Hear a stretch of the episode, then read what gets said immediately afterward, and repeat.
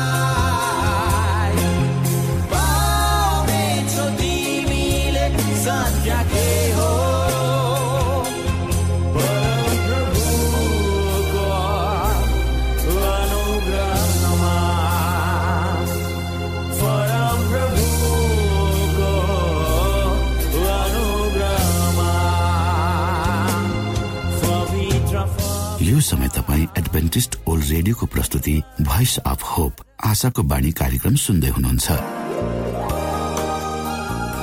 तपाईँ आशाको बाणी कार्यक्रम सुन्दै हुनुहुन्छ। हामी आशा गर्दछौ कि तपाईँले हाम्रा कार्यक्रमहरू सुनेर आनन्द लिनु भएको छ। यदि तपाईँ हाम्रो तर्फबाट सानो उपहार प्राप्त गर्न चाहनुहुन्छ भने कृपया गरेर हामीलाई Bible at the rate A W R dot ओआरजीमा लेखी पठाउन सक्नुहुनेछ। अथवा हाम्रो वाट्सएप नम्बर प्लस एक दुई दुई चार दुई दुई दुई जिरो सात सात सातमा फोन गरेर सम्पर्क गर्न सक्नुहुनेछ।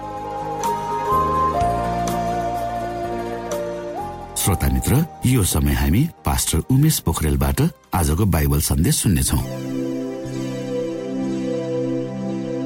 श्रोत साथी न्यानो अभिवादन साथ म तपाईँको आफ्नै आफन्त अर्थात् पास्टर उमेश पोखरेल परमेश्वरको वचन लिएर यो रेडियो कार्यक्रम मार्फत पुनः तपाईँहरूको बीचमा उपस्थित भएको छु। मलाई आशा छ तपाईँले हाम्रा कार्यक्रमहरूलाई नियमित रूपमा सुन्दै हुनुहुन्छ र परमेश्वरका आशिषहरू प्राप्त गर्दै हुनुहुन्छ। श्रोता आउनुहोस् तपाईँ हामी केही समय। परमेश्वर सँगसँगै आजको प्रस्तुतिलाई पस्कनुभन्दा पहिले म परमेश्वरमा अगुवाईको लागि बिन्ती राख्नेछु। जीवी जिउँदो महान दयालु परमेश्वर प्रभु हामी धन्यवादी छौँ। यो जीवन र जीवनमा दिनुभएका प्रशस्त आशिषहरू। प्रभु यो रेडियो कार्यक्रमलाई म तपाईँको हातमा राख्दछु। यसलाई तपाईँको राज्य र महिमाको प्रचारको खातिर यो देश र सारा संसारमा ताकि धेरै मानिसहरू जो अन्धकारमा हुनुहुन्छ उहाँहरूले तपाईँको ज्योतिलाई चिन्न सक्नुहोस् देख्न सक्नुहोस् र तपाईँको राज्यमा प्रवेश गर्न सक्नुहोस् सबै बिन्ती प्रभु यीशुको नाम। आमेन। श्रोत साथी कुनै कुरा हुँदैन भनेर त्यसलाई नकार्नु सजिलो नहुन सक्छ। जब कुनै परिस्थिति भएर हामी गुज्रिरहेका हुन्छौँ त्यति बेला कुनै कुरालाई नकार्नु वा त्यसको पक्षमा केही नबोल्नु ले समयमा आफ्नै महत्व राख्दछ। जब तपाईँ यस्तो अवस्था भएर गुज्रिनुहुन्छ त्यति बेला सबै कुरो ठिकठाक नभएको अनुभूति तपाईँलाई हुन सक्छ। तपाईँ जान्नुहुन्छ कि परिस्थितिले तपाईँलाई आफूले नचाहेको बाटोतिर डोहोऱ्याउन खोज्दैछ। त्यति बेला शान्तिको निम्ति तपाईँले नखोल्नु भएको मुखको मुखले तपाईँ आफूले सोचे भन्दा बेसी मूल्य चुकाउनु पर्ने हुन सक्छ भविष्य अमेरिकाका प्रख्यात मनोविज्ञ मारिया भन्छ। अरूले तपाईँसँग कसरी व्यवहार गर्छन् र कसरी व्यवहार गर्नुपर्छ भन्ने कुरामा तपाईँ जिम्मेवार हुनुहुन्छ। यदि तपाईँ कुनै कुरामा चुप लाग्नुहुन्छ भने त्यसलाई तपाईँले समर्थन गर्नुहुन्छ भनेर बुझिन्छ। मानव तपाईँ आफूसँग काम गर्ने मानिससँग खुसी हुनुहुन्न किनकि उनीहरू तपाईँमाथि चढ्न खोज्छन्। तपाईँका विचारहरूलाई आफ्ना विचार भने त्यसको जस लिन खोज्छन्। तपाईँको अगाडि आफूलाई ठिक पार्छ तर पछाडि कुरा काट्छ। यस्तो अवस्थामा तपाईँ अव्यक्त रूपमा आफ्नो हावभाव र अनुहारद्वारा बोल्न सक्नुहुन्छ। सुरुमा जब यस्तो घटना घट्छ हामी सोध्दछौँ यो पहिलो पटक र आफै हराएर जान्छ। सबै कुरा ठिकठाक हुन्छ। जब यो पुनः हुन्छ र बारम्बार दोहोरिन्छ तब तपाईँलाई पनि अप्ठ्यारो पार्छ यसले। त्यसको विरोधमा बोल्न किनकि पहिलो पल्ट नै तपाईँले त्यस विषयलाई स्पष्ट गरी यदि भन्नु भएको हुँदो हो त त्यसले तपाईँको टाउको टेक्ने थिएन। अवश्य। यद्यपि यस्तो अवस्था भए पनि तपाईँले बोल्नुपर्छ। त्यो ठिक होइन है भने भन्नुपर्छ। अर्थात् आफ्नो मुख खोल्नु बुद्धिमानी हुन्छ। यद्यपि प्रत्येक घटना र क्षणहरूलाई तपाईँले तत्कालै सम्बोधन नगर्नुपर्ने पनि हुन सक्छ। तर कुनै कुराको विषयमा तत्कालै प्रतिक्रिया दिनुभन्दा पनि त्यस विषयलाई विभिन्न तरिकाले हेर्नु र विचार गर्नु बुद्धिमानी हुन्छ। कहिलेकाहीँ हामी आफ्नै मात्र कुरा गर्छौँ एउटा निश्चित सीमाको दायरा भन्दा हामी टाढा पुग्छौँ। कतिपय अवस्थामा हामीलाई कसैले केही भन्न साथ त्यसको प्रतिवाद हामी गर्छौँ। नसोची आफ्ना कुराहरू भन्छौँ। अरूलाई दोष लगाउँछौँ अनि आफू जितेको भानमा पर्छौँ तर जब तपाईँ हामी उक्त परिस्थितिबाट अलि अगाडि भएर शान्त दिमागका साथ सोध्छौँ तब हामीले केही समय अगाडि गरेका वा देखाएको व्यवहार बोलेको कुरा कति ठिक रहेछ वा रहेनछ सहजै अनुमान गर्न सक्छौँ। केही वर्ष अघिसम्म मेरो स्वभाव पनि झोकिने र तत्कालै भावनामा बगेर केही काम गर्ने थियो। त्यसले मलाई फाइदा होइन धेरै बेफाइदा पुर्याएको मैले महसुस गरेको छु। कतिपय मानिसहरू लेख्नमा बोल्नभन्दा बेसी तेज हुन्छ र झट्टै रिसाउँछन् र तथा नामै लेख्छन्। इमेल चिठी मार्फत पठाउँछ र आफ्नो मनलाई शान्त गराउँछ तर ती आवेगमा आएर लेखिएका पत्रहरू पठाइएका इमेलहरूले ती मानिसहरूको व्यक्तित्वमा कति ठुलो हानि गरेको छ के तिनीहरूले कहिले महसुस गरेका छन्? त यदि गरेका थिए भने निश्चय नै लेख्ने थिए।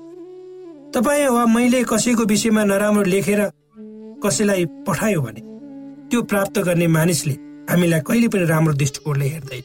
त्यसपछि के तपाईँले यो वास्तविकतालाई बुझ्नु भएको छ? एउटा उदाहरण ल्याउँ मेरो साथीको घर छेउ एउटा नयाँ मानिस डेरामा बस्न। आए प्रत्येक रात ऊ ढिलो आफ्नो कोठामा आउँछ र ठुलो आवाजमा म्युजिक बजाउँछ र अल्लो उल्लो पल्लो घरमा सुतिरहेका छिमेकीहरू शान्तमा सुत्न सक्दैन सबैले उसलाई छन् नराम्रो नजरले हेर्छन्। तर कसैले केही भन्दैन। त्यसकारण मेरो साथीले त्यो घर छोडेर अन्त्य डेरा सर्ने निर्णय लिन्छ र उसले त्यो मानिसलाई भेट्दा पनि वास्ता गर्दैन। तर एक दिन ऊ उसको कोठामा जान्छ र भन्छ उसले बजाएको म्युजिकको कारण ऊ रातभरि सुत्न सक्दैन। त्यसपछि उक्त अवस्थामा परिवर्तन त्यो व्यक्तिले महसुस गर्दछ कि उसले ठुलो आवाजमा म्युजिक बजाइरहेको रहेछ र त्यो गलत थियो। जब कुनै परिस्थिति भएर तपाईँ हामी गुजिरहन्छौँ त्यहाँ त्योभन्दा अगाडि जान सक्ने अवस्था हुँदैन र हुन्न। जब कुनै परिस्थिति भएर तपाईँ हामी गुजिरहन्छौँ त्यहाँ त्योभन्दा अगाडि जान सक्ने अवस्था छैन र हुन्न। र सकिन्न भन्नुपर्ने हुन्छ। त्यस बेला हामीहरू दुई किसिमबाट आफ्नो कुरा गर्न सक्छौँ। एउटा चुप लागेर अर्को जबरजस्ती गर्ने। चुप लाग्नु वा सहनु राम्रो कुरो यसको निम्ति धैर्यताको ठुलो आवश्यकता पर्छ। तर यसले तपाईँलाई नम्र बनाउँछ। हुनसक्छ धेरैको बुझाइमा तपाईँ कमजोर भएको कारणले यस्तो हुनुभएको हो। तर त्यो होइन। अर्कोतर्फ तपाईँ तुरुन्तै कुनै पनि परिस्थितिलाई आफ्नो अनुकूल बनाउन लाग्नुहुन्छ। यदि तपाईँको सोचाइ र भनाइ अनुसार त्यो छैन भने हुँदैन भन्नुहुन्छ र त्यसबाट तपाईँ उम्कन चाहनुहुन्छ। तर हामीहरू धेरै जसो हुन्छ वा हुन्नको बिचमा भएर अवसर हेरेर निर्णय गर्छौँ र चल्छौँ ताकि त्यसले हामीलाई कुनै हानि नोक्सानी वा अप्ठ्यारो नपारोस्। आफ्नो सीमालाई निर्धारण गर्नु चान्चुने कुरा भने होइन। तपाईँ जान्नुहुन्छ तपाईँका कमीहरू तपाईँका नराम्रा पक्षहरू र सुधार्नुपर्ने क्षेत्रहरू। यदि तपाईँ आफूप्रति पूर्ण इमान्दार र विश्वस्त भएर अगाडि बढ्नु भएको छ भने तपाईँलाई थाहा छ के गर्नुपर्छ के गर्नु हुँदैन कतिपय मानिसहरूले मैले देखेको छु उनीहरूसँग सङ्गत पनि गरेको छु। उनीहरू पिद नभएका भाँडाहरू जस्ता छन्। त्यस्ता मानिसहरूसँग सतर्क रहनु कम सङ्गत गर्नु नै बुद्धिमानी हुन सक्छ। आफ्नो सीमालाई सुरक्षित गर्नु भन्नुको अर्थ कतिपय यस्ता कुराहरू हुन्छन् ती तपाईँ आफ्नो जीवन साथीसँग मात्रै बाँड्नु सक्नुहुन्छ। आफ्नो काम गर्ने ठाउँ वा व्यापारका कुराहरू जो त्यसमा तपाईँसँग सहभागी छन् तिनीहरूसँग मात्रै बाँड्नुहुन्छ त्यही बुद्धिमानी केही दिन अगाडि एकजना भाइसँग मेरो भेट भयो। हामीले हामीले कुनै ठाउँमा भेट्ने निर्णय गर्यो। र उसँग अर्को मान्छे पनि सामान्य वार्तालापको क्रममा मलाई थाहा भयो कि त्यो अपरिचित व्यक्तिलाई मेरो काम गर्ने ठाउँको बारेमा मलाई भन्दा बेसी जानकारी भएको म परिस्थिति बुझेर मैले केही कुरा गरिनँ र हल्का खाजा खाएर हामी बिदा अर्कोचोटि जब त्यो भाइसँग मेरो भेट भयो मैले भने भाइ अर्को पटकदेखि मसँग भेट्दा एक्लै श्रोता तपाईँ हाम्रो आफ्नै सीमाहरू छ र तपाईँले आफ्नो दिन प्रतिदिनको यात्रामा तपाईँ जहाँ काम गर्नुहुन्छ जे गर्नुहुन्छ तपाईँको व्यवहार कस्तो छ? यी सबै कुराहरूलाई एउटा सीमाभित्र राख्नु र त्यो सीमाभित्र राखेर त्यसको अनुशासनभित्र आफूलाई हिँडाउनु भयो निश्चय नै तपाईँले दुःख पाउनु हुने छैन। यो मेरो आफ्नै अनुभव र बुझाइ परमेश्वरले यी वचनहरूद्वारा तपाईँलाई आशिष थियो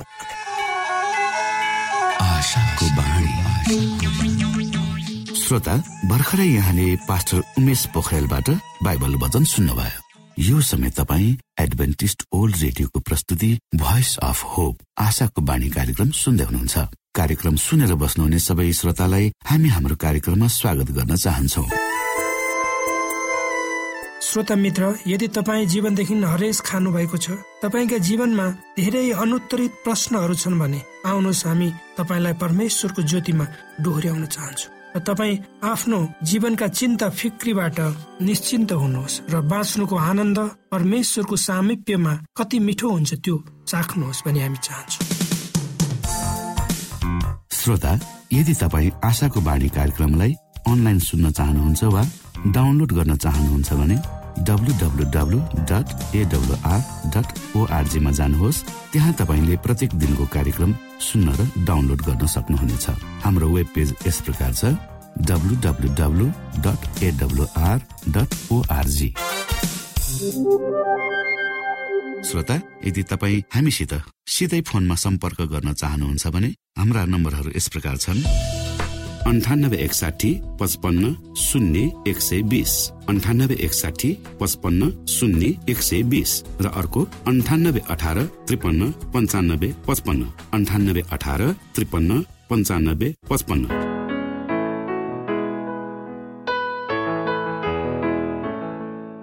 यो एडभेन्टिस ओल्ड रेडियो हो। तपाईँ आशाको बाणी कार्यक्रम सुन्दै हुनुहुन्छ। यस सम्बन्धी थप जानकारीको लागि कृपया गरेर हामीलाई सम्पर्क राख्न सक्नुहुनेछ। हाम्रो इमेलको ठेगाना Bible at the rate A W R dot O R G अर्थात् B I B L E at A W R dot O R G हो। तपाईँ हामीलाई हाम्रो वाट्सएप नम्बर प्लस एक दुई दुई चार दुई दुई दुई जिरो सात सात सातमा पनि कल गरेर सम्पर्क राख्न सक्नुहुनेछ। अर्थात् प्लस एक दुई दुई चार दुई दुई दुई जिरो सात सात सात। यो आशाको बाणी रेडियो कार्यक्रम हो। म धनलाल राई यहाँहरूलाई यस कार्यक्रममा न्यानो स्वागत गर्दछु। श्रोता मित्र आज पनि म तपाईँको बिचमा बाइबल सन्देश लिएर आएको छु। आजको बाइबल सन्देशको शीर्षक रहेको छ नयाँ परिस्थितिहरू।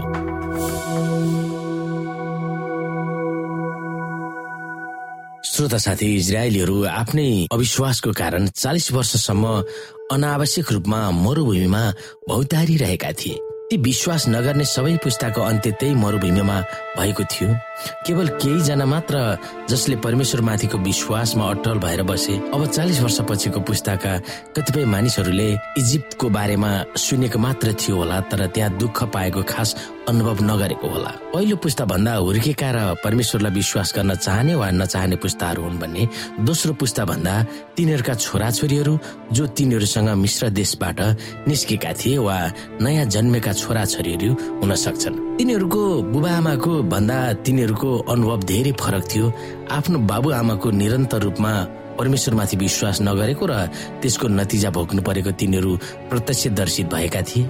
तिनीहरू पनि आफ्ना बुबाआमासँग मरुभूमिमा यात्रा गरेका थिए र अब आफ्ना बुबा आमाको पुस्ताको मरुभूमिमै अन्त्य भएको थियो। मरुभूमिमा यात्रा गरिरहनु पर्दा तिनीहरूले परमेश्वरको पवित्र स्थान तिनीहरूको शिविरको बीचमा भएको र त्यस स्थानमाथि परमेश्वरको उपस्थिति बादलद्वारा हुनुभएको हेर्ने अवसर तिनीहरूले पाएका थिए। जब त्यस बादल सर्यो तब तिनीहरू पनि आफ्ना सामानहरू पोक पारेर हिँड्ने बेला भयो भनेर तिनीहरूले महसुस गरेका थिए। मरुभूमिको गरम वातावरणमा त्यस बादलले दिनमा तिनीहरूलाई ठन्डा पारेको थियो भने रातमा त्यही बादल ज्योति भएर तिनीहरूको शिविरमा चम्केको थियो।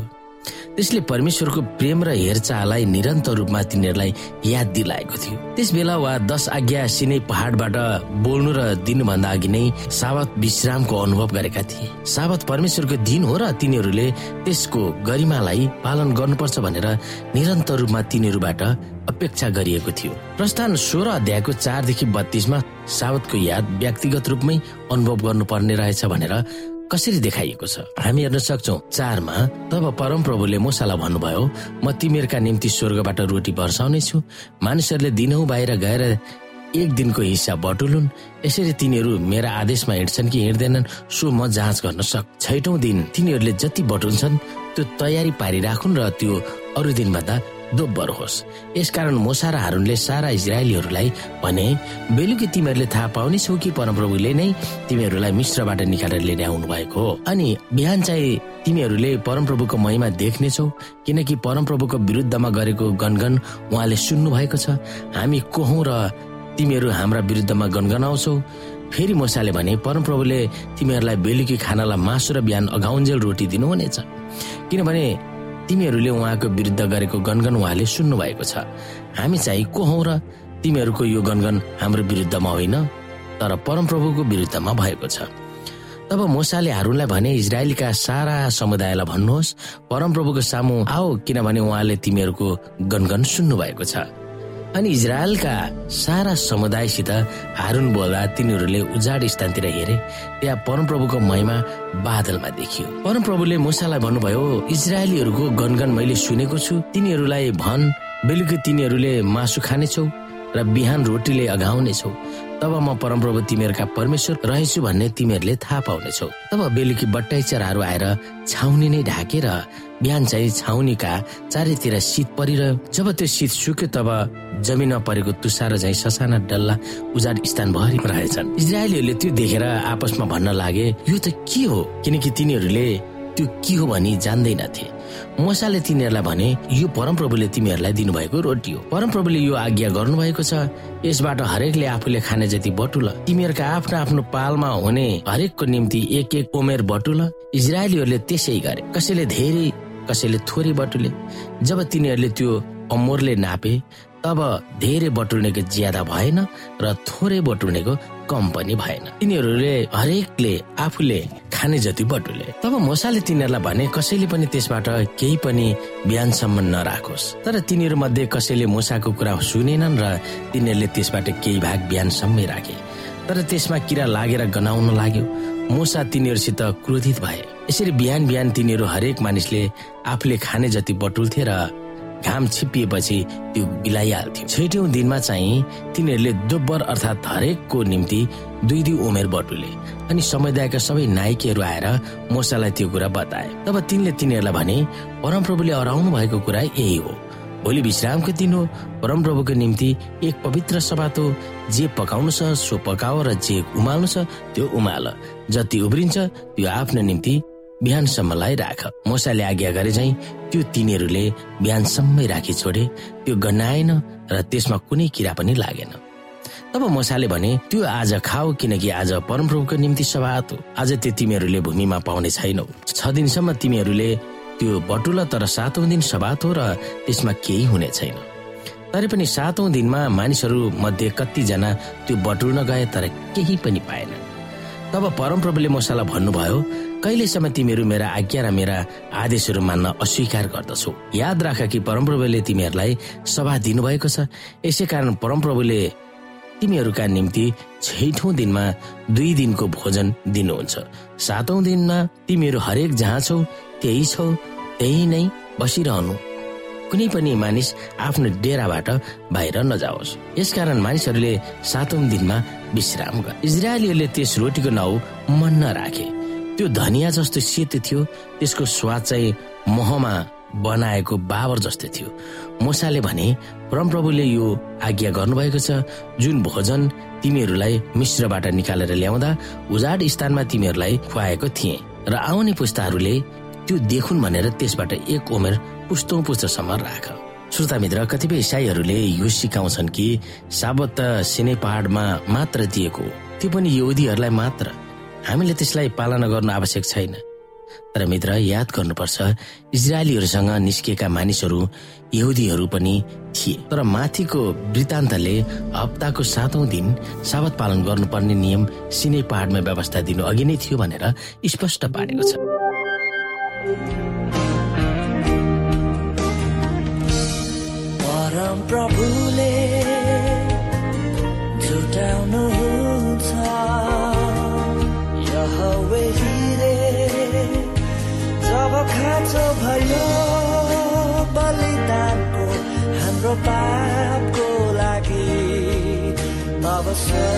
Oh.